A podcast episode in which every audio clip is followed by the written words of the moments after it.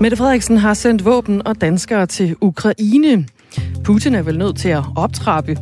Det har Mette et ansvar for. Det er jo sindssygt at tro, en atommagt accepterer at tabe til et i gods øjne neutralt land, skriver Tommy ind i en øh, analyse til det telefonnummer, der hedder 1424. Analyser og kommentarer og ikke mindst spørgsmål er øh, meget velkomne på sms'en. Især hvis du har nogle øh, spørgsmål til øh, krigen i Ukraine af den ene eller den anden art. Fordi øh, klokken kvart i ni 20 Så har vi øh, Hans Peter Michaelsen med. Han er selvstændig forsvarsanalytiker og forhenværende officer, og så er han altså med alene til at svare på de øh, spørgsmål, du som lytter måtte sidde med øh, ude i forhold til alt det, der sker øh, i situationen mellem øh, Rusland og Ukraine i øjeblikket. Ja, hvis du sender en sms ind med dit spørgsmål til Hans Peter Mikkelsen, så samler vi altså til bunke og sender dem hans vej. Og så får du svar på, øh, på, hvad du kunne brænde inde med. Det er jo et fast element, vi har indført her i Radio 4 morgen oven på invasionen i Ukraine, som vi altså ruller videre med for nu, fordi der er fortsat spørgsmål. Og der er fortsat udviklinger også i krigen i Ukraine, som jo er interessant måske at få øh, nogle svar på, hvordan det liv forholder sig. Ja, og en af de udviklinger, som øh, er, dem vender vi blikket mod nu. Du lytter til Radio 4 morgen med Anne Philipsen og Dagmar Eben Østergaard i studiet. Godmorgen. Godmorgen. Danske virksomheder i Rusland, som lige nu er lukket på grund af krigen i Ukraine, kan ende med at blive overtaget af den russiske stat. Det skriver den russiske ambassadør i Danmark, Vladimir Barbin, i et debatindlæg i politikken. Nationaliseringen af internationale virksomheder i Rusland, som har indstillet produktionen, kan ske som en modreaktion på de sanktioner, som vestlige lande har indført over for Rusland, skriver den russiske ambassadør i sit indlæg. Flemming Stilidsbol er seniorforsker ved Dansk Institut for Internationale Studier og med her til morgen. Godmorgen. Ja, godmorgen. Hvor realistisk er det, at Rusland nationaliserer internationale virksomheder? Det er jo vanskeligt at sige. Der er jo en form for sådan ultrapatriotisk øh, bølge i Rusland i de her uger. Ja, det har der faktisk været igennem lang tid, men især selvfølgelig i de her uger. Øhm, og det er jo ikke utænkeligt, at de kunne finde på at gøre det på den baggrund. Øhm, det er jo noget, der har været oppe et stykke tid. Det kommer sådan forskellige øh, opråb fra politikere og mediefolk, at man skal gå ind og nationalisere, at man skal overtage de her virksomheder, der lukker. Og så samtidig skal vi huske på, at det er jo et meget drastisk skridt, og der er også folk i Rusland, som siger, at det der det er helt forkert, og det vil give øh, gøre enormt stor skade på, på Ruslands øh, omdømme, og på et tidspunkt, når vi har brug for udenlandske investorer osv., så, så tør de ikke at komme tilbage. Så det skal vi holde os væk fra. Så det er lidt svært at vurdere. Hvordan vil det i øvrigt overhovedet foregå, at man nationaliserer internationale virksomheder? Ved, Kan du sige noget om det, Flemming Splidsbol? Ja, det vil, det, vil, det vil russerne jo gøre. De vil finde øh, det nødvendige lovgrundlag et eller andet sted, og så vil de nationalisere dem. Øh, men det er klart, at nogle af dem er jo vanskelige at nationalisere. Allerede for over en uge siden så foreslog chefredaktøren for det, der hedder RT, som nogle af lytterne sikkert kender, som er den der sådan russiske mediekonglomerat, som nu er blevet forbudt i EU. Hun foreslog, at man skulle nationalisere de lukkede IKEA-butikker. Og det er klart, det giver jo ikke nogen mening at nationalisere butikkerne. Når man ikke har møblerne, så er det jo ingenting værd. Så, så det er jo snarere måske nogle produktionsfaciliteter og sådan noget. Man kunne forestille sig, at der er en fabrik et sted, der producerer nogle ting, og den er nu lukket, fordi de udenlandske ejere har besluttet at indstille produktionen, og så vil det snarere være, at de, at de går ind og tager den, og så kører de produktionen videre. Erhvervsorganisationer som SMV Danmark, der repræsenterer små og mellemstore virksomheder i Danmark, og så Dansk Industri, de har altså en stor bekymring over den her trussel om nationalisering af lukkede internationale virksomheder i Rusland. Underdirektøren i Dansk Industri, Peter Thasen, har blandt andet udtalt følgende til politikken. Vi risikerer, at det bliver Putins oligarkvenner, der har fået indefrosset deres økonomiske midler, som får lov til at overtage nøglerne til de her virksomheder, så de kan skumme overskuddet. Og noget af det vil helt sikkert også gå til Putin og krigen i Ukraine. Er det en uh, ubegrundet bekymring, som, uh, som han kommer med her, uh, Peter Thasen fra, fra Dansk Industri, Flemming Spidsbol? Nej, bestemt ikke. Det lyder meget velbegrundet. Øhm, og, øhm, og det er klart, hvis øh, virksomheder først bliver nationaliseret, så er der jo ikke nogen steder at gå hen for ejerne. Man kan ikke gå til det russiske retssystem og få hjælp. Øh, der er ikke noget, så er det væk. Øhm, og, og det vil selvfølgelig få enormt store konsekvenser. Det er også meget muligt, at det vil gå til folk fra inderkredsen som en form for kompensation, og der skal vi jo huske på, at, at der er folk der, der er tæt på pusen, og de lider andre steder, så, så det scenarie kunne jeg sagtens se for mig. Øh, men igen er det jo et, et enormt drastisk skridt, og, og, og det gør det jo bare mere interessant og mere tankevækkende også, at øh, den russiske ambassadør i et åbent brev skriver om, at, at det er det, vi risikerer, hvis ikke vi måske stopper med sanktionerne. Øh, men, øh, men det er jo altså der, vi står med den russiske stat lige nu. Ja, og, og hvad kan bevæggrundene være for, at Rusland melder ud, som, øh, som, som de gør nu? Jeg ser hans indlæg som et forsøg på at advare om, øh, at, at hvis vi fortsætter med sanktioner, især hvis vi får flere sanktioner øh, på Rusland, jamen så, øh, så overvejer de det her skridt. Øh, og så er det for mig at se også et klart tegn på, at de er presset økonomisk, at sanktionerne allerede bider. Øh, og så, så illustrerer det jo også det, vi har talt om allerede, og som jo vi kan se på grund af krigshandlingerne, blandt andet, at Rusland er en europæisk pariastat. Øh, Rusland har sat sig uden for, øh, for det gode selskab. Der har de jo de har haft det svært med det gode selskab i mange år, men nu har de bevidst sat sig uden for det gode selskab, og det vidner det her jo også Allerede i øh, torsdags, der troede Ruslands præsident Vladimir Putin med at nationalisere internationale virksomheder. Det kan være Coca-Cola, det er IKEA, som du også nævnte, Flemming Splidsbol, øh, Starbucks og McDonald's, som øh, midlertidigt har forladt landet, altså stoppet produktionen på grund af krigen i Ukraine. Blandt danske virksomheder, der har Danfoss, Grundfos og Arla indstillet forretningerne i Rusland, mens Jysk har valgt en model, hvor virksomheden lukker sine butikker i landet, dem alle sammen, men altså fortsat betaler løn til sine ansatte. Den danske bryggerigigant Carlsberg, som sidder på over en fjerdedel af det russiske ølmarked, indstiller i alt salg af øl, hvor der står Carlsberg på, mens datterselskabet Baltica Breweries hedder det, med hovedkvarter i St. Petersborg i Rusland, fortsat vil køre som en, øh, en separat forretning.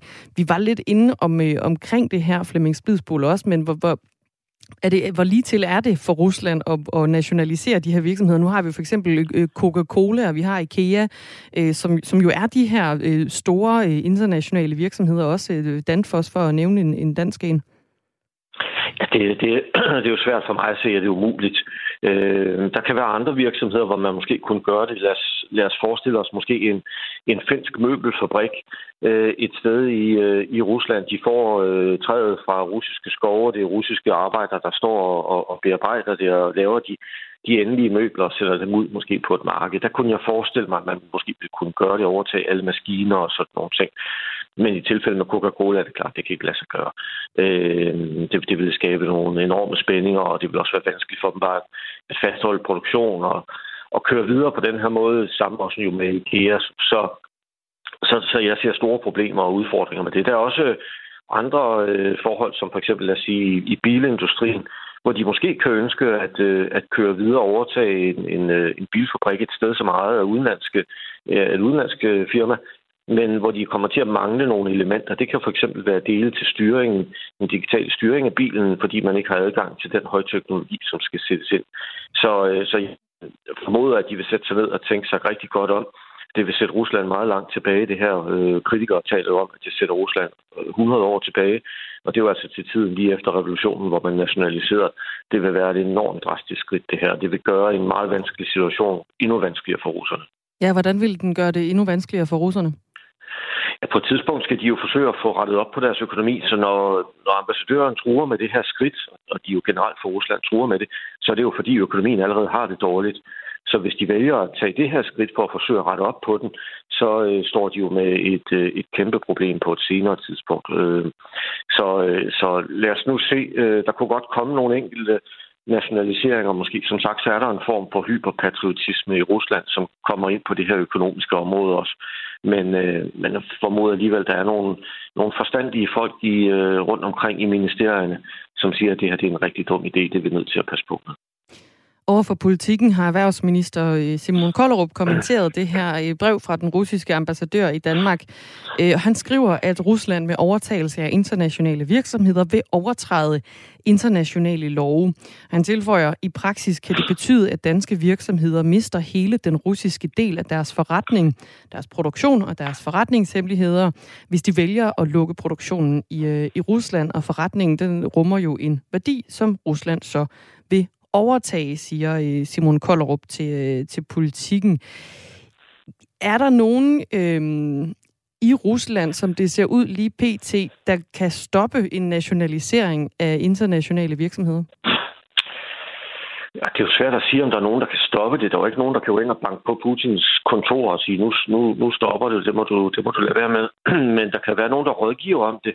Øh, Putin vil jo selv være opmærksom på, at det her det er et meget drastisk skridt. Det er der ingen tvivl om. Jeg kan jo også, altså man kan jo se det i brevet fra, fra ambassadøren, at, at det jo på en måde er en trussel. Altså hvis ikke I stopper med de der sanktioner, som vi ikke kan lide, for det gør rigtig ondt, så øh, er det muligt, at vi nationaliserer de virksomheder. Øh, og, og brevet, som jeg øvrigt synes er, er lidt hjælpeløst øh, indlægget, er det jo, øh, vidner jo også om, om den frustration, der er øh, internt i Rusland. Så der er jo ingen tvivl om, at der er rigtig mange mennesker, der er opmærksom på, at det her det er en rigtig dårlig idé. Der er sikkert også en helt sikkert en, en del, som er sikker på, at det kommer overhovedet ikke til at ske, fordi det vil få enorme konsekvenser. Men der er altså også nogen, der, der trækker i den anden retning, og som synes, det er det, vi skal. Øh, vi er nødt til at markere, vi er nødt til at vise, at vi vil ikke finde os i det, øh, og derfor så overtager vi nu virksomhederne. Men der er ikke sådan nogen, der kan, der kan forhindre det, ligesom der er heller ikke nogen, der har kunnet forhindre krig. Sagde Flemming Splidsbol, tak fordi du var med. Ja, selv tak. Seniorforsker ved Dansk Institut for Internationale Studier, altså på et øh, et indlæg, som den russiske ambassadør i Danmark har skrevet i øh, politikken. Han hedder Vladimir Barbarin, og det handler altså om, at øh, man vil nationalisere internationale virksomheder i Rusland, der øh, på den ene eller den anden måde har indstillet produktionen som en øh, modreaktion på de sanktioner, som Vesten har øh, indført. Må ikke Rusland kan finde ud af at lave noget tilsvarende til IKEA, Jysk og så videre med hjælp fra Kina. Det er vel der, det meste bliver produceret alligevel, og så er de jo gode til at kopiere i Kina, skriver Erik ind på sms'en 1424 til den her historie. Russerne kan vel kun sælge til sig selv, så det får vel en ende. Hej, skriver Peter. Klokken er 17 minutter over 8. Du lytter til Radio 4 morgen. Krigen i Ukraine og de russiske bombardementer rykker tættere og tættere på vestens grænse. I går blev en ukrainsk militærbase ved byen Javoriv angrebet af russiske missiler. Den ligger cirka 25 km fra grænsen til Polen, og dermed jo også cirka 25 km fra grænsen til EU og NATO. Ifølge nyhedsbyrået Reuters, så er det her det mest vestlige angreb i Ukraine, vi har set under den, ja, nu over to uger lange krig. Christian Lindhardt er major og militæranalytiker ved Institut for Strategi og Krigsstudier ved Forsvarsakademiet. Han mener, at bombardementerne her tæt på NATO og EU's grænser, det er med til at sende to signaler. Der er ligesom øh, to ting i det. En ting er jo det politiske signal, hvor som de øh, siger øh, både til Ukraine, men også til Vesten, at vi kan ramme hvor som helst, vi har lyst til i hele Ukraine. Og det er lige meget, om det er tæt på grænsen til et øh, NATO-land eller ej. Og så er der det rent militære, hvor der sådan, de er begyndt nu at ramme mål i den vestlige del af Ukraine. Og det er sådan set lige meget, om det så er rigtig tæt på Polens grænse, og det er det jo sådan set. Men det er fordi, de er klar over, at Ukraine jo også bruger deres militære faciliteter i den del af landet, landet til at opbygge deres tropper. Og øh, det ønsker russerne altså at stoppe. Og så er der også nogle taktiske overvejelser fra den russiske side af sagen her. Bag angrebet tæt på Polen, fortæller Christian Lindhardt når russerne de går ind og angriber sådan et mål som det her, så er det fordi, de mener, at det kan betale sig. Fordi så mange missiler har de jo heller ikke, at de bare kan lade dem regne ned over alle mulige forskellige ting. Så når de går ind og rammer sådan et mål som det her, så er det fordi, de siger, på det sted, der foregår der en aktivitet, som kan have indvirkning på kampene øh, andre steder i landet, for eksempel.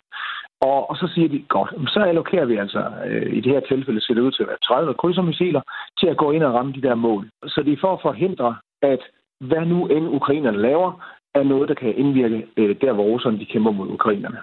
Selvom det ifølge Christian Lindhardt ikke er overraskende med de her russiske bombardementer så tæt på NATO's grænse, så er det alligevel bekymrende, siger han. Jamen, det er bekymrende, men øh, der er stadigvæk tale om, at de bruger øh, våben øh, af typen krydsermissiler, og de er, øh, selvom de ikke er nødvendigvis lige så præcise som Vestens, så er de stadigvæk relativt præcise. Men det er klart, at lad os nu sige, et eller to af missilerne øh, ved en eller anden fejl kommer over en polsk grænse, så har man en helt ny situation. Og der er det jo altså op til vores, øh, vores politikere og øverste militære ledelse at finde ud af, hvad søren gør vi, hvis sådan en missil ryger ned på den polske side af grænsen. Risikoen for at se russiske våben lande i NATO's medlemslande kan vi også komme til at opleve under krigen, mener Christian Lindhardt. Ja, det kan man. Det er det korte svar. Øh, du vil også kunne risikere, hvis øh, russerne anvender droner, eller ukrainerne anvender droner, så, så kan så nogen øh, miste forbindelsen og, og, og flyve vildt, om jeg så må sige. Der er allerede rapport om en drone, der er fløjet over Ungarn, og Rumænien og landet nede øh, ved Zagreb. Øh, man ved ikke, om den er ukrainsk eller russisk.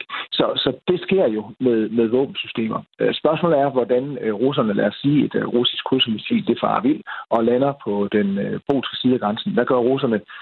Benægter de enhver kendskab, eller går de ind og siger, det er vores fejl, det er vi virkelig ked af, det var fordi, den drejede til venstre i stedet for højre. Hvordan reagerer russerne, hvis sådan noget sker? Fordi så vil man selvfølgelig kunne afeskalere situationen. Ja, og hvordan reagerer NATO så egentlig også? Det taler han også om, men vi skal altså ikke forvente at se en, en reaktion fra NATO's side, siger Christian Lindhardt, nu her, hvor russerne altså har øh, bombet områder, som ligger bare 25 km fra den polske grænse, og dermed jo også EU og NATO. Altså, så længe krigen foregår uden for NATO's grænser, så har NATO øh, som sådan egentlig ikke øh, noget at gøre i krigen. Når det så er sagt, så er vi jo i gang med en militær eksport fra en masse NATO-land, og i øvrigt også ikke NATO-land, til Ukraine. Og, og NATO og øh, hele den vestlige verden, næsten hele verden, har jo ligesom øh, taget standpunkt i den her krig og sagt, at det er, Rusland, der, det er Rusland, der er aggressoren, og det er Ukraine, der er den angrebne part. Så, så NATO har selvfølgelig en interesse i det her, men NATO har også en interesse i at sikre, at den her øh, krig ikke glider ud af hende og bliver, bliver øh, sådan en virkelig stor krig.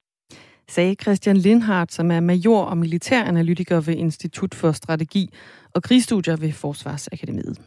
Og det er jo altså øh, det mest vestlige angreb i Ukraine, man har set under krigen, som øh, vi altså øh, så i går. Og øh, nu kan vi sige godmorgen til Morten Holm Johansen. Ja, godmorgen. Administrerende direktør i en stor svinefarm, der ligger cirka 70 km sydvest for Lviv i det vestlige Ukraine. Selvom det er det mest vestlige angreb i krigen, øh, der hidtil har fundet sted, så er du ikke selv nervøs. Hvordan bevarer du roen i øjeblikket? Jamen, altså, vi kan jo se, at de angreb, de foretager i Vesten, det, øh, eller vestlige del af Ukraine, det er jo rettet mod militære installationer. Og vi ligger jo en, en, en nogen god afstand fra de installationer. Så øh, ud fra den betragtning, øh, synes jeg ikke, der er grund til at ændre min, min holdning til, at jeg bliver her, så længe, det, så længe situationen ikke er forværret i, i den grad mod det civile mål i den vestlige del af Ukraine. Hvordan påvirker krigen lige nu din øh, svinefarm? Jamen, det er mest på forsyningssiden og, og på salgsiden, altså hvor, hvor, hvor vi er nødt til at lægge en del om på, hvordan hverdagen så ud for før invasionen. Uh, men det er jo logistiske problemer og afsætning for indkøbsforhold, som vi jo normalt skal kunne håndtere. Den her, øh, det angreb, der var på den øh, militære base, som vi omtalte før, tæt på grænsen til Polen, det øh, kostede ja. 35 mennesker livet, og så øh, var 100, blev 134 andre såret, oplyst øh, guvernøren i Lviv-regionen i går formiddags. Det er de seneste tal, vi har fået. Øh, Morten Holm Johansen, hvordan er dine ukrainske medarbejdere påvirket af den situation, I ser i øjeblikket? Jamen altså generelt er de, er de jo totalt uforstående for den invasion der. Øh, og øh, især dem, der har øh, familier eller relationer til, øh, til folk, der bor i, i det mere krigspræget region, øh, området af øh, Ukraine, er jo påvirket. Øh, men, men på en eller anden måde, når sådan en krig foregår, og der går en tid, så bliver det en, en del af hverdagen, og øh, folk er nervøse, men de, er også, de kan også øh, hvad skal man sige, øh, de begynder at leve med det øh, og omstille sig i og med, at de skal forsvare sig. De laver sådan, øh, ting, som, som de håber kan være øh, øh, til gavn for modstanden mod russerne. Du skal have tak, fordi du var med her, Morten Holm Johansen. Ja, velkommen. Administrerende direktør i en øh, stor svinefarm, cirka 70 km sydvest for Lviv i det vestlige Ukraine. Og det er jo altså netop i den vestlige del af landet, at vi har set et, øh, et angreb i går i, øh, i byen Javoriv. Og vi kan lige nævne, når vi nu vi er ved øh, krigen i Ukraine, at vi jo fortsætter med vores øh, faste indslag her i øh, Radio 4 morgen øh, lidt endnu. Det er det, der hedder Spørg om krigen, som vi øh, bruger lige sådan 10 minutter og kvarter på i løbet af den sidste halve time af vores udsendelse hver morgen. Her har vi en ekspert med til at øh, svare på dine spørgsmål, hvis du har et eller andet, du gerne vil spørge om i forbindelse med, med krigen. I dag der retter du dit spørgsmål til øh, en selvstændig forsvarsanalytiker og forhenværende officer. Han hedder Hans Peter Michaelsen, og ham kan du altså sende dit spørgsmål ind til, og så øh, sender vi det afsted mod ham cirka klokken øh, kvart i ni her i Radio 4 morgen. Og det gør man altså ved at sende en sms på øh, telefonnummeret 1424. Man skal bare huske at starte beskeden med R4 og et mellemrum, så øh, lander det her hos os, så vi kan sende dem øh, videre til Hans Peter Michaelsen. Jeg synes lige, vi skal nævne en øh, lidt nedslående nyhed inden for filmverdenen. Ja. ja. Vi har jo øh, den her danske animationsfilm Flugt. Den bliver nævnt øh, ret ofte, fordi den har fået ret så mange nomineringer øh, til forskellige øh, filmpriser, øh, rigtig prestigefyldte filmpriser. Øh, og øh, nu er spændingen blevet udløst på en af områderne, ja. øh, og det var vel den øh, filmoverrækkelse, der hedder BAFTA-prisen. Men som jeg sagde, lidt nedslående, fordi øh, Flugt den danske animationsfilm, vandt ikke nogen priser. Det gik ikke så godt. De var nomineret til, øh, filmen var nomineret til to priser, kan det ikke passe? Bedste animationsfilm, bedste dokumentarfilm. Ja. ja. Og øh, der blev det så i stedet Disneys Encanto, som blev den bedste animationsfilm.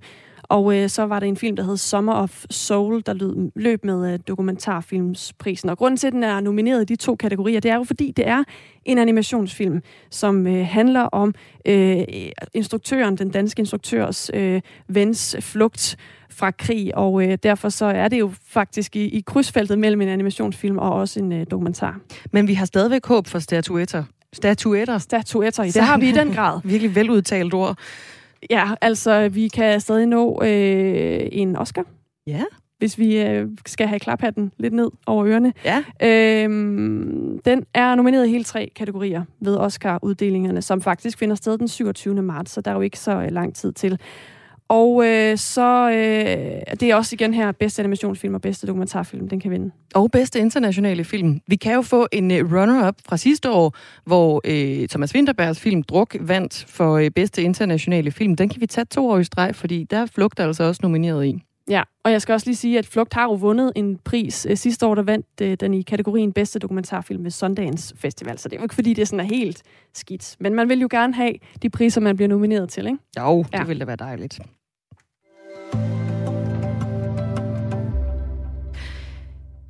Vi kan lige øh, kort rumme, øh, runde hedder det, rumme. Vi skal faktisk i rummet, fordi øh, krigen i Ukraine har altså bevæget sig ud i, øh, i rummet ret mange års samarbejde i rummet mellem Vesten og Rusland er jo ved at gå øh, faktisk i stykker, skriver DR. Hårde sanktioner fra EU's side mod Rusland øh, på grund af invasionen af Ukraine har fået russerne til at trække sig ud af samarbejdet med ESA, som er den europæiske rumorganisation, og det er altså på øh, flere områder. DR har talt med John Leif Jørgensen, som er professor og afdelingsleder på DTU Space. Han siger, det er grimt det her, og jeg tror, vi kommer til at se ind i en lang ørkenvandring, hvor russerne ikke længere vil være med, eller kan være med, siger han. Og hvor, hvor er det så, det giver problemer?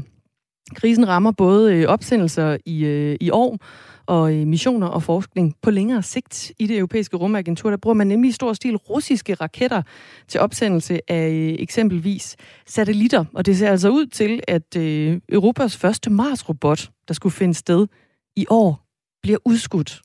Ja. Ej, det er ærgerligt. Det er en af de afledte konsekvenser, der er af krigen. Jo en krig, som øh, rager ind i rigtig mange områder af både øh, sådan virkelig de alvorlige øh, sådan menneskelige konsekvenser, og så det her videnskabelige øh, problem, man jo også får ved, at nogle af de her ting, de bliver øh, udskudt eller aflyst. Og nu var Europa ellers lige på vej ud i det uendelige univers, og altså kunne give øh, en eller anden form for baghjul til i hvert fald amerikanerne, som er, er en del længere fremme end, end Europa på, øh, på den her front. Så vidt er krigen ikke bare en ting, der foregår på jorden, den foregår altså også ude i rummet. Stemningen skulle angiveligt være ok stadigvæk på øh, ISS den internationale rumstation. Nu er klokken halv ni, og der er nyheder med anne Sofie Felt.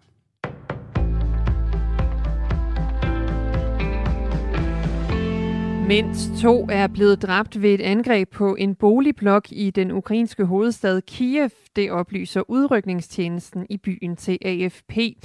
Det ukrainske indrigsministeriums rådgiver Anton Gerashenko siger ifølge Reuters, at to blev dræbt ved angrebet, og at tre blev såret og, de blev bragt til, eller, og at tre sårede er blevet bragt til et hospital.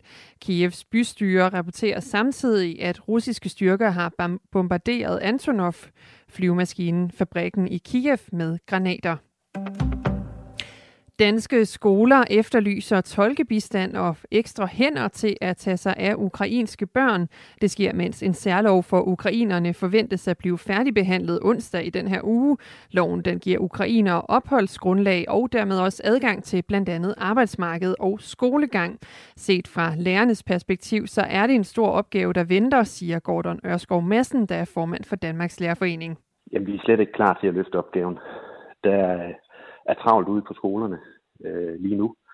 Der, er, der bliver samlet op efter en lang coronaperiode, så der skal tilføres øh, ny energi og nye ressourcer, så vi kan løse den her opgave. Øh, det kommer til at koste nogle penge, men det kommer også til at øh, koste et, øh, et tæt samarbejde om at løse den her opgave mellem kommunerne, skolelederne, lærerne, øh, de centrale myndigheder, ministeriet osv.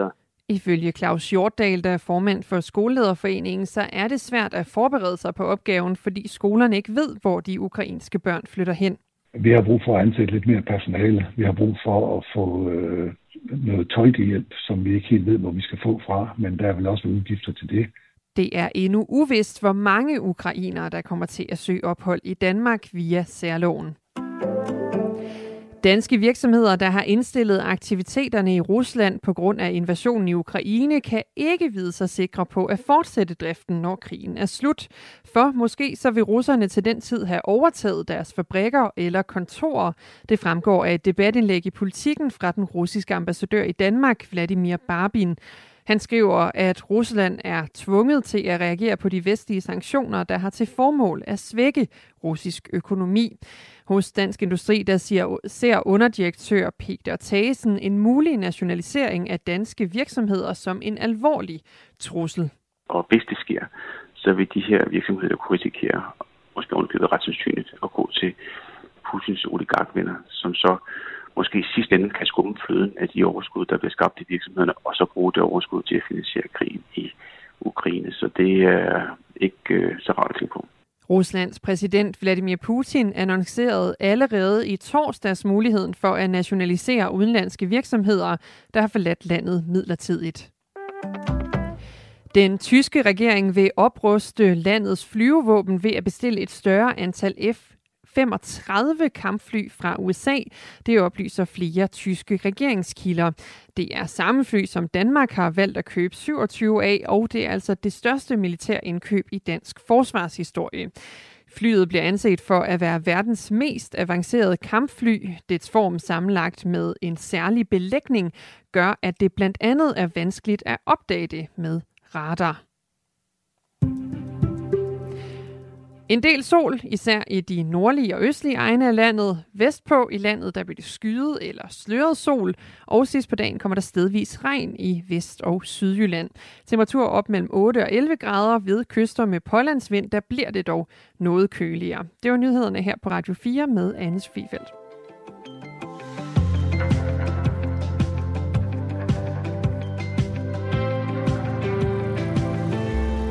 Ingen grund til at tude over rumstationen. Elon Musk bygger straks en ny. Skriver VD ind på øh, sms'en 1424. Det gør han ovenpå, at vi talte om, hvordan vi nævnte lige ganske kort i nyhederne med anne Sofie Felt, at øh, ja, krigen i Ukraine, den har altså også øh, sat sit præg på det rumsamarbejde, der jo er mellem øh, Europa og russerne. Fordi vi bruger altså russiske missiler til at sende vores satellitter og så videre afsted ud i rummet. Og øh, ja, der er også lidt om, øh, omkring den internationale rumstation. Men altså, ja, Elon Musk, det kan være, han øh, går flux i gang. Han har i hvert fald øh, blandet sig i rumfarten før. Jeg hæftede mig lige ved øh, Jan Sofie Fælds øh, vejrudsigt, at der kunne komme en lille smule regn i dag. Uh ja. Øh, og det vil være lidt øh, småhistorisk, fordi det er faktisk 16 dage siden, der sidst er faldet regn i Danmark i dag. Gud, er det så længe DMI. siden? Ja, jeg sidder også lige og tænker, har jeg ikke været ude i en lille by? men øh, i hvert fald ifølge DMI, så er det øh, så længe siden. Og det gør faktisk, at marts kan gå hen og blive en af de tørreste, man nogensinde har målt. Det er jo sjovt, fordi at øh, februar, var, februar var jo faktisk en af de vådeste, man nogensinde havde målt. Ja, så det er fra den ene yderlighed til den anden. Men øh, der er jo ikke noget, der er afgjort endnu, siger meteorologen inde hos DMI. Men øh, de, de tror godt på, at den øh, kommer i en top 10 over de tørreste marts måneder nogensinde ud fra, hvordan det været. Det skulle også arte sig i løbet af den kommende uges tid. Så ja. Seneste værnyt her i Radio 4 morgen. Det var Anne Philipsen. Jeg hedder Dagmar Eben Østergaard, og anne Sofie Felt har nyhederne. Klokken den er 24 minutter i 9.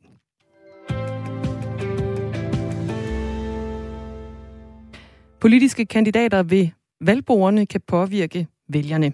Sådan lyder kritikken af den, det danske kommunalvalg fra Europarådet.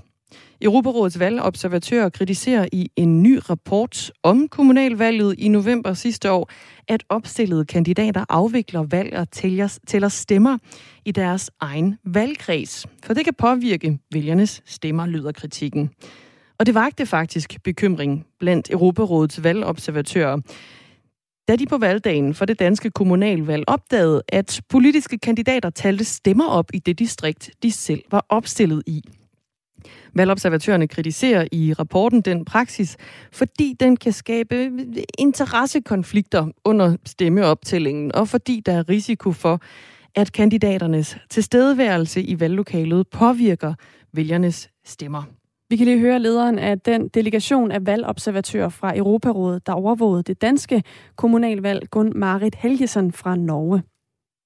Når du er i valglokalet, om du er til stede, så vil jo vælgerne vite at der er den person med, som tilhører det partiet, og sådan set kan eh, minde om og ja, ja, det var en fornuftig person, og, og kanskje sådan set påvirke, hvad du stemmer.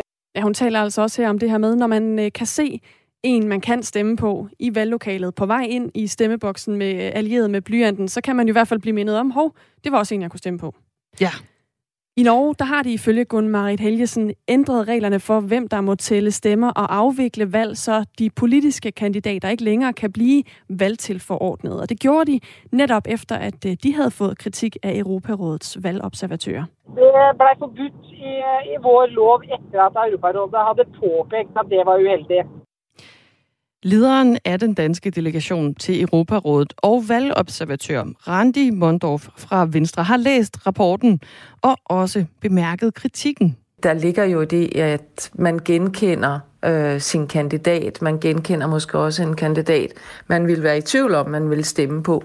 Man skal også huske, at det her system jo kommer af visse praktiske årsager, at man simpelthen ikke har nok til at foretage selve valghandlingen, så politikere er blevet bedt om at gøre det. Randi Mondorf har selv observeret valg i en øh, række lande i hele verden, og hun fortæller, at det er ret ualmindeligt, at politikere, der selv stiller op til valget, også sidder ved valgbordene, uddeler stemmesedler og øh, tæller stemmerne. Derfor så overraskede det også de europæiske valgobservatører, at øh, det er sådan, vi gør i Danmark, da de tjekkede kommunalvalget efter i sømne. Det siger Randi Mondorf altså, som øh, har talt med valgobservatørerne efter valget. Jamen, jeg må jo sige, at øh, blandt andet øh, en fra Belgien, han var simpelthen i chok over, at det her overhovedet kunne lade sig gøre.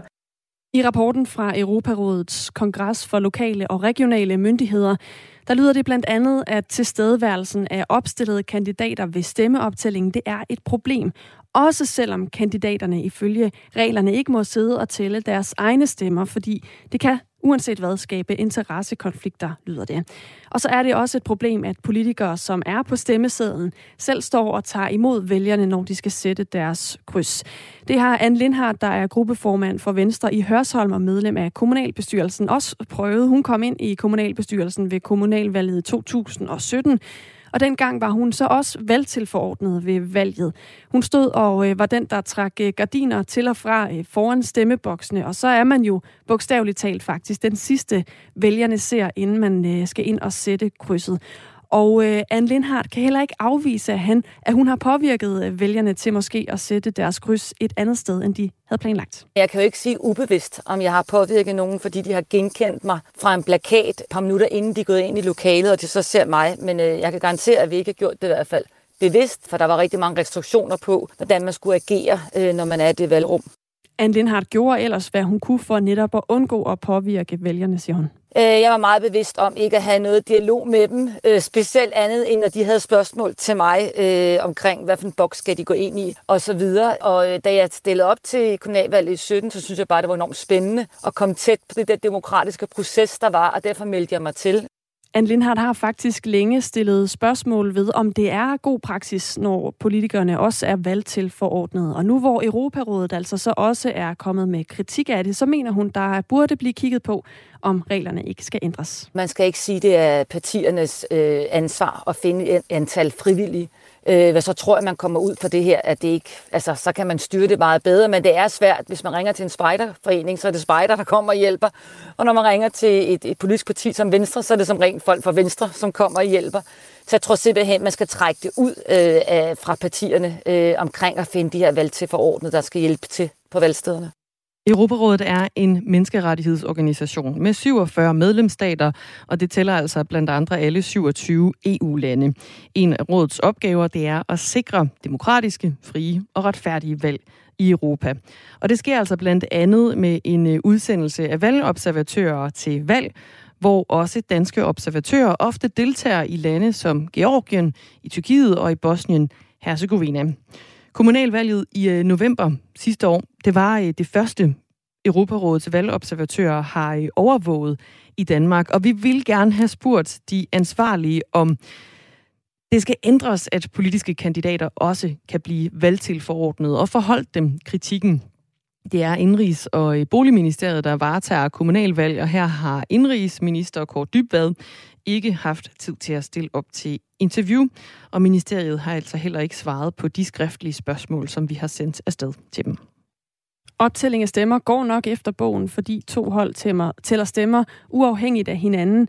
Men jo, der er et problem, skriver Birgit ind på uh, sms'en 1424, hvor hun har startet sin besked med R4 og et mellemrum. Gør som Birgit. Send en besked herinde i studiet. Hvis man først begyndte at sladre til, øh, til politiet, og så, øh, så vil man måske lige pludselig ligge om i en mørk gyde. Krimiland med Julie Bundgaard. Han synes ikke, at han selv er en slem kriminel. Find Krimiland som podcast og lyt med lørdag kl. 17 her på Radio 4. Radio 4 taler med Danmark. Anne Philipsen, ja. det er blevet tid til en øh, fødselsdagsquiz. Ja. Vi sætter lige sådan en lille øh, lydtapet her på. Det er jo quizzen, som øh, dykker ned i begivenheder og personer, begivenheder, der er sket på den her dag, eller personer, som er født på den her dag, som i dag tæller den 14. Øh, marts 2022. Der er nogen, der har fødselsdag. Der er ting, der er sket den her dag. Mm. Og det skal vi have rangeret. Ja. Mm. Det er sådan noget, der lige giver øh, overblikket over, øh, hvad der ellers er foregået på dagen i dag, og som lige giver dig noget fakta, når du skal ud på dagen og vejen. Måske et godt samtaleemne hen over frokostbordet, når den gang rammer. Vi rangerer fra ældst til øh, yngst, og jeg giver dig her en øh, liste over, øh, hvad det er, du skal rangere. Der er fire forskellige ting. Ja. For det første, skete dette på denne dato, at for at spare energi, bliver temperaturen i offentlige bygninger beordret nedsat til højst 20 grader, og hastighedsgrænserne på vejene bliver sænket med 10 km. Hold da op, det lyder næsten som noget, der kunne være sket i dag. Ja, det er jo sådan en lille smule øh, på en eller anden måde. Ja, det kan være, man kan trække noget inspiration fra fordomstid. Men hvilket år er det sket? Det skal du øh, være med til at rangere, Anne Philipsen. Albert Einstein, han har fødselsdag i dag. Ja, Bevares, tillykke. Han er øh, gået bort igen, men han blev altså født på denne dag. Det gjorde øh, den her mand også. Kærlighed, kærlighed, kærlighed, hvad du vil. Det er Lars Lindholdt. Ja, det er så. Han har også fødselsdag i dag. Og så øh, er der også historien om, at øh, Esbjerg indviger sit nye musikhus. Du er jo Ja. lokal. Det, jeg er jo fra Esbjerg. Ja, ja. det kunne være, du øh, kunne gøre os klogere på, hvilket år det rent Det faktisk tror jeg faktisk godt, jeg kan. Ja, fedt. Ja. Kanon. Ja. Fra ældst til yngst. Ja. De her fire begivenheder og personer. Godt. Jeg starter med at sige, at øh, den ældste i den her flok, det må være Albert Einstein. Ja, det er så godt. Ja, det er godt. Tysk fysiker, det var ham, der øh, var manden bag relativitetsteorien. Han fik en Nobelpris i 1921 og døde sidenhen i 1955. Han blev 76 år gammel. Ja. Han er født i 1879. Ja, det er nogle år siden. Det er jo også en håndfuld år. Han vil fylde 143 i dag. Så skal jeg lige tænke mig om her. Øh, jeg tænker, at øh, den næstældste må være Lars Lilleholdt. Det er rigtigt. Ej, hvor godt. 69 år bliver han. Tillykke med det. Ja, stort tillykke. Musiker og sangskriver. Ja, så rundt fødselsdag næste år. Rundt fødselsdag næste år. Meget fejre der. Øh, og så ved jeg, at øh, Musikhuset Esbjerg, hvis jeg ikke husker helt forkert, det er 1997, at Uh. det bliver indviet. Uh, du er dygtig. Man er vel bysbarn.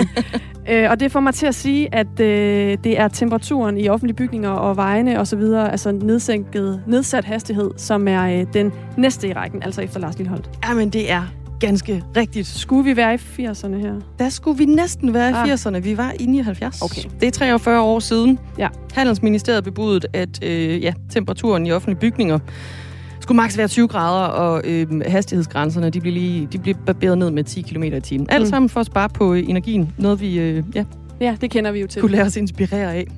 Så er det jo Musikhuset Esbjerg, der er yngst. Ja, det er rigtigt. Og så vil jeg gerne spørge, om vi fremover kan gøre det, der altid er noget fra Esbjerg i de her fødselsdagsquizzer, fordi det kan jeg mærke, det, det giver mig altså Det nogle dig øh, pejlemærker, Ja, det er så jeg har mulighed for at få nogle rigtige øh, point. Nå, Esbjerg indviger sit øh, nye musikhus. Det er 25 år siden i Ja. dag. Det var i 1997, og det er altså det musikhus, som er tegnet af arkitekterne Jan og Jørgen Utzon. Anne Philipsen. Ja. Du fik fire på stribe. Ej, hvor er det dejligt. Det er tak. Godt arbejde.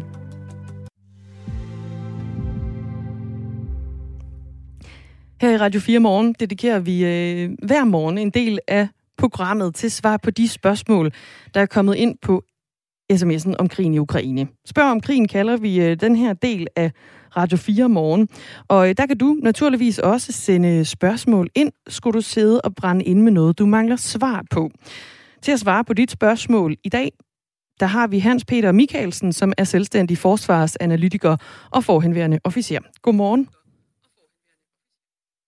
Godmorgen. Jeg tror, vi har en lille smule forsinkelse på vores øh, forbindelse her, Hans øh, Peter Michaelsen, men vi prøver lige at se, om ikke vi kan, vi kan køre den hjem alligevel. Vi starter med et øh, spørgsmål fra Helle, som skriver.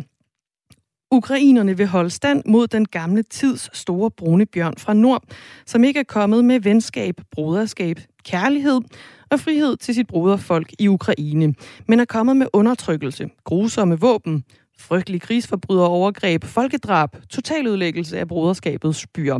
Bjørnen fra nord er mere og mere truet for hver dag, der går, skriver Helle ind i en øh, lille mini-analyse her. Er det den vej, det går lige nu, altså at russerne de står sværere og sværere for hver dag, der går? Det kommer an på, hvordan man ser det. Altså militært set står de jo ikke svagere, fordi der er det stadigvæk dem, der har overtaget i Ukraine, for de kan tilføre øh, flere styrker øh, og forsyninger. Men ser man sådan internationalt, øh, i det internationale samfund, så er øh, Ruslands øh, position selvfølgelig meget svækket. Men spørg, det helt store spørgsmål er jo om, om og hvornår det får en effekt på situationen i øh, Ukraine. Så øh, man kan sige, at øh, spørgeren har ret, men, øh, men også uret. Hvor vurderer øh, du, spørger hun også, at, at Rusland reelt vil bruge atomvåben i krigen mod Ukraine er sådan en, øh, vi kan kalde det en slags opfølger? Nej, øh, der har været jo... Øh, Putin har jo advaret med, øh, uden at nævne ordet atomvåben, med, øh, øh, så har han alligevel advaret om det, men det har jo først og fremmest, som jeg ser det, været for at, at holde NATO og Vesten ude af en øh, militær indsats. Fordi, altså, det vil jo Øh, nu er atomvåben findes i mange, mange størrelser, og der findes også nogle små taktiske, man kan bruge på kamppladsen, men så vil man typisk øh, bruge den også i, i russisk øh, militær doktrin til at øh, hvad hedder det, øh, fjerne en, øh, noget af modstanderens styrker, hvis man er virkelig presset på, på slagmarken. Og her i en situation i Ukraine, så vil det jo simpelthen øh, udelukkende gå ud over civilbefolkningen, og det vil jo kun... Øh, øh, forværre hele, hele situationen. Så det kan, jeg, det kan jeg ikke forestille mig, at øh, Putin vil. Hans Peter Michaelsen er selvstændig forsvarsanalytiker og forhenværende officer med her i Radio 4 morgen i dag for at øh, svare på dine spørgsmål. Skulle du have spørgsmål om krigen i Ukraine, så sender du dem afsted til 1424. Du starter med R4 og laver et øh, mellemrum. Og netop når du nævner, at der både er, er store og, og små sådan taktiske atomvåben, øh, så har vi en lytter, der hedder Jens, der har stillet et spørgsmål til det.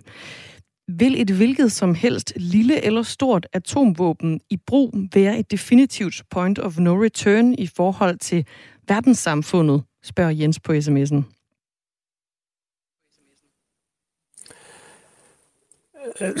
Ja, altså det kommer an på, hvordan man ser definitivt. Det vil ikke automatisk udløse 3. verdenskrig. Men det vil være en øh, point of no return i, i øh, forhold til verdenssamfundet. Fordi øh, skulle Øh, guderne forbyde uh, øh, Rusland anvendte, så er det jo et slags... Et, øh, vil det øh, for altid være en, en uh, paria-stat. Altså det, det vil... Øh, det vil aldrig nogensinde kunne blive tilgivet. Altså det vil sige, man vil formodentlig kun ved en, en total omstyrtelse af den, øh, hele den russiske ledelse, og et helt, helt nyt øh, ledelse kunne, kunne tilgive russerne, øh, fordi det er så ikke russerne, eller den russiske befolkning, men den russiske ledelse. Så, så det vil være på mange måder et point of no return, men det vil ikke automatisk udløse 3. 3. verdenskrig. Og det er jo netop øh, det spørgsmål, vi i hvert fald får rigtig ofte, det er det her med, hvor langt er vi egentlig fra, øh, fra en tredje verdenskrig. Så det tænker jeg, det kan give ro i maven for, øh, for nogle af vores lyttere, i hvert fald det svar, vi fik her. Ina, hun spørger også øh, i forhold til det her med, med de små atomvåben, altså de her mindre taktiske våben, hvor stort et område rammer de, og hvorfra bliver de affyret? Er det noget, vi kan øh, være behjælpelige med at, at svare på her til morgen, Hans Peter Michaelsen? Altså, der, der findes øh, missiler. Lad os prøve at grave tilbage til den kolde krig. Jeg har et lille bidjob som guide nede på Koldkrigsmuseet Stævnsfortet. Og i den kolde krig, der havde Danmark jo ikke atomvåben. De lå i en bunker syd for den øh, dansk-tyske grænse, men de kunne hentes, hvis man kom i krig, og øh, regeringen gav tilladelse, så kunne de hentes og puttes i næsen på nogle luftforsvarsmissiler, der kunne skydes ud over Østersøen og, og smadre nogle øh, Varsjavpakkens bombefly, og der fandtes også nogle gang til sådan nogle taktiske raketter, der hedder Honest John, som den danske her kunne også anvende. Og de her små taktiske våben var faktisk beregnet til at at ramme fjendens øh, styrker med som, som en kraftig våben. Og da man fik arkiverne lukket op efter øh, den kolde krig, så fandt man også, at der lå planer om altså, også at bruge taktiske atomvåben i tilfælde af en øh, landgang på Sjælland. Så der, der lå planer i nogle af de øh, polske arkiver om, at man også ville smide en taktisk atomvåben på Stævnsfortet. Og det havde været noget skidt for øh, stævnsboerne, men da, de havde formodentlig været blevet, øh, blevet øh, evakueret i forvejen. Og de vil typisk, altså det er en meget stor eksplosion, og, og det der selvfølgelig er specielt ved atomvåben, det er jo den radio, radioaktive stråling. Øh, der er noget i selve sprængningen, og så det, at en masse jord og støv og skidt bliver suget op og bliver gjort radioaktiv, og så falder ned som radioaktiv nedfald. Øh, så de kan have ganske alvorlige konsekvenser, men altså som sprængvåben, hvis det er de små, man vil bruge typisk øh, taktisk, så er det et mindre område, de rammer. Øh, og, og det, man frygter, det, altså, hvis man skulle bruge, det man har set Rusland i øvelser bruge, når de trænede brug af atomvåben, når de har gjort indimellem, altså og sige, nu, nu smider vi, så har de typisk gjort det et sted, hvor det ikke rigtig gjorde skade, bare for sådan en signalgivning at sige, nu går vi over, hvis I ikke stopper, så holder, går vi over til atomvåben. Så der er nogen, der har det, øh, øh, diskuteret, jamen det kunne være et øget sted over Sorterhavet eller sådan noget. Det, det er svært at gisne om. Men, øh, men det er sådan, hvad vi kan sige om øh, taktiske atomvåben. Du kan stille de spørgsmål til Hans Peter Mikkelsen, som er selvstændig forsvarsanalytiker og også forhenværende officer ved at skrive ind på øh, uh, sms-nummeret 1424, start beskeden med R4 og et mellemrum. Det har Michael gjort. Han skriver, ved ændring af det danske forsvar fra ekspeditionelt til territorialt forsvar, så vil min prioritering være 1.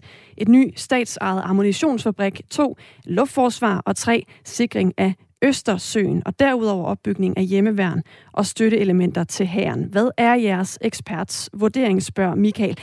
Øh, Hans Peter Michaelsen, inden du lige svarer på, øh, om du er enig i den prioritering, kan du så ikke lige kort beskrive, beskrive hvad, øh, hvad lytteren her mener med en ændring fra ekspeditionelt til territorialt forsvar? Ja, det danske forsvar blev jo omlagt øh, i starten af år 2000, altså to, omkring 2003-2004, til at øh, sende enheder ud i verden for at øh, hjælpe med at, skabe sikkerhed og, og, og hvad hedder det, stabilisering, som det hedder, fordi der ikke var nogen trussel mod dansk nærområde. Øh, og det vil sige, at man har, forsvaret har bygget enheder, der er egentlig mindre enheder, der ligesom, man kan sige, en slags Lego-klodser kunne bygge sammen med de andre NATO-lande og allierede enheder, når man var i øh, Afghanistan eller over Libyen, Syrien øh, mod kamp mod islamisk stat og lignende. Og, og og det er helt rigtigt, at, at det man nu kigger på, det er jo at få skabt et, et nationalt forsvar, der også kan forsvare Danmark, og specielt Østersøområdet, som jo historisk altid har været et omstridt område, og klart med konflikten med Rusland, så er det omstridt igen. Øhm, og, og så ved jeg, jeg skal gå over til øh, lytteren. Jo, skal vi ikke lige skitsere igen? Øh, altså, øh, han foreslår her, Michael, hvis han skulle øh, prioritere midlerne, en ny statsejet ammunitionsfabrik, et luftforsvar og så sikring af Østersøen og opbygning af hjemmeværnet, øh, skriver altså Michael ind som hans øh, forslag, hvor han så også spørger, hvad din vurdering er. Hvad tænker du om den prioritering? Det er, det er, det er gode øh, forslag. Det med den statsejede ammunitionsfabrik, det har man haft en gang, og så i mange år så har man købt i udlandet, og så havde man noget bøvl med et firma i Spanien, der ikke ville levere, og så står forsvaret og mangler ammunition. Og det er for at sige det på lidt mildt jysk underdrivelse, det er godt nok træls øh, at stå der, fordi ah, uden ammunition er et forsvar intet værd. Vel? Det er ikke sikkert, at man skal bruge det, men skal man et eller andet sted hen og også have sådan en afskrækkende effekt, så er det ikke meget sjovt, hvis øh, øh fjenden ved, at de har ikke nogen ammunition med, så de står der sådan set bare for at stå der. Så ammunition er helt afgørende, udover soldater selvfølgelig, fordi de to ting er vigtige. Øhm, så øh, luftforsvar, der er jeg også enig, fordi øh, vi ser, hvor mange missiler, at øh, Rusland øh, anvender mod Ukraine, og de har rigtig mange stående i Kaliningrad, så jeg er også tilhænger af, at man skal have noget luftforsvarssystem igen. For det er ikke sikkert, at de vil skyde mod Danmark, men alene truslen kan jo være nok til at få Danmark til at sige, åh, vi skal ikke risikere, at vi får sådan lidt øh, slået ned i København, vel? Og øh, Østersøen generelt, jamen det er øh, området, hvor... Øh, øh, hvad hedder det, hvor Danmark er Danmarks Danmarks nærområde, så øh, Østersøområdet er helt vigtigt. Det ser vi jo også med, at, at øh, vi har øh, sendt soldater til Estland, og vi har øh, nogle af vores F-16-fly i, nogle, i Litauen blandt andet. Så det er et vigtigt område. Og hjemmeværnet er også vigtigt, men det jeg også mener er vigtigt, det er at få bygget en reserve. Og det vil sige nogle soldater, man kan indkalde, når der er behov for det. Og det kan man jo blandt andet ved at give dem lidt længere værnepligt, og så have dem i sådan en reservestyrke, så man kan faktisk mobilisere nogle enheder, ligesom man også gjorde faktisk under den kolde krig. Så fik Michael øh, en øh, medvurdering på, hvordan man kunne øh, prioritere midlerne. Katrine har også stillet et spørgsmål ind, og jeg ved ikke, om du øh, kan bidrage til også at svare på, øh, på det, Hans Peter Michaelsen, som er selvstændig forsvarsanalytiker og forhenværende officer. Det går meget på det her med, med atomvåben i dag og radioaktivitet, og også kommer vi ind på. Der er en øh, lytter, der hedder Katrine, som spørger, hvordan skal vi i Danmark forholde os, hvis der skulle komme en radioaktiv sky ind over landet, hvis et af Ukraines fire atomkraftværker ødelægges. Ja, øh, nu er sikkert, ikke sikkert, at Katrine er så gammel, at hun kan huske Tjernobyl ulykken, jo, som jo var et atomkraftværk, det er sådan lige lidt nord for Kiev. Det var tilbage i 86, hvis jeg husker ret.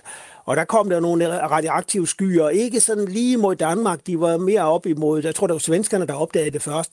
Så der kommer en forhøjet øh, radioaktiv stråling, og det der man især var bange for, det var, hvis det faldt ned på marker, hvor køerne græsser, og så spiser de det, og så kommer det med ind i køernes mælk og så lignende.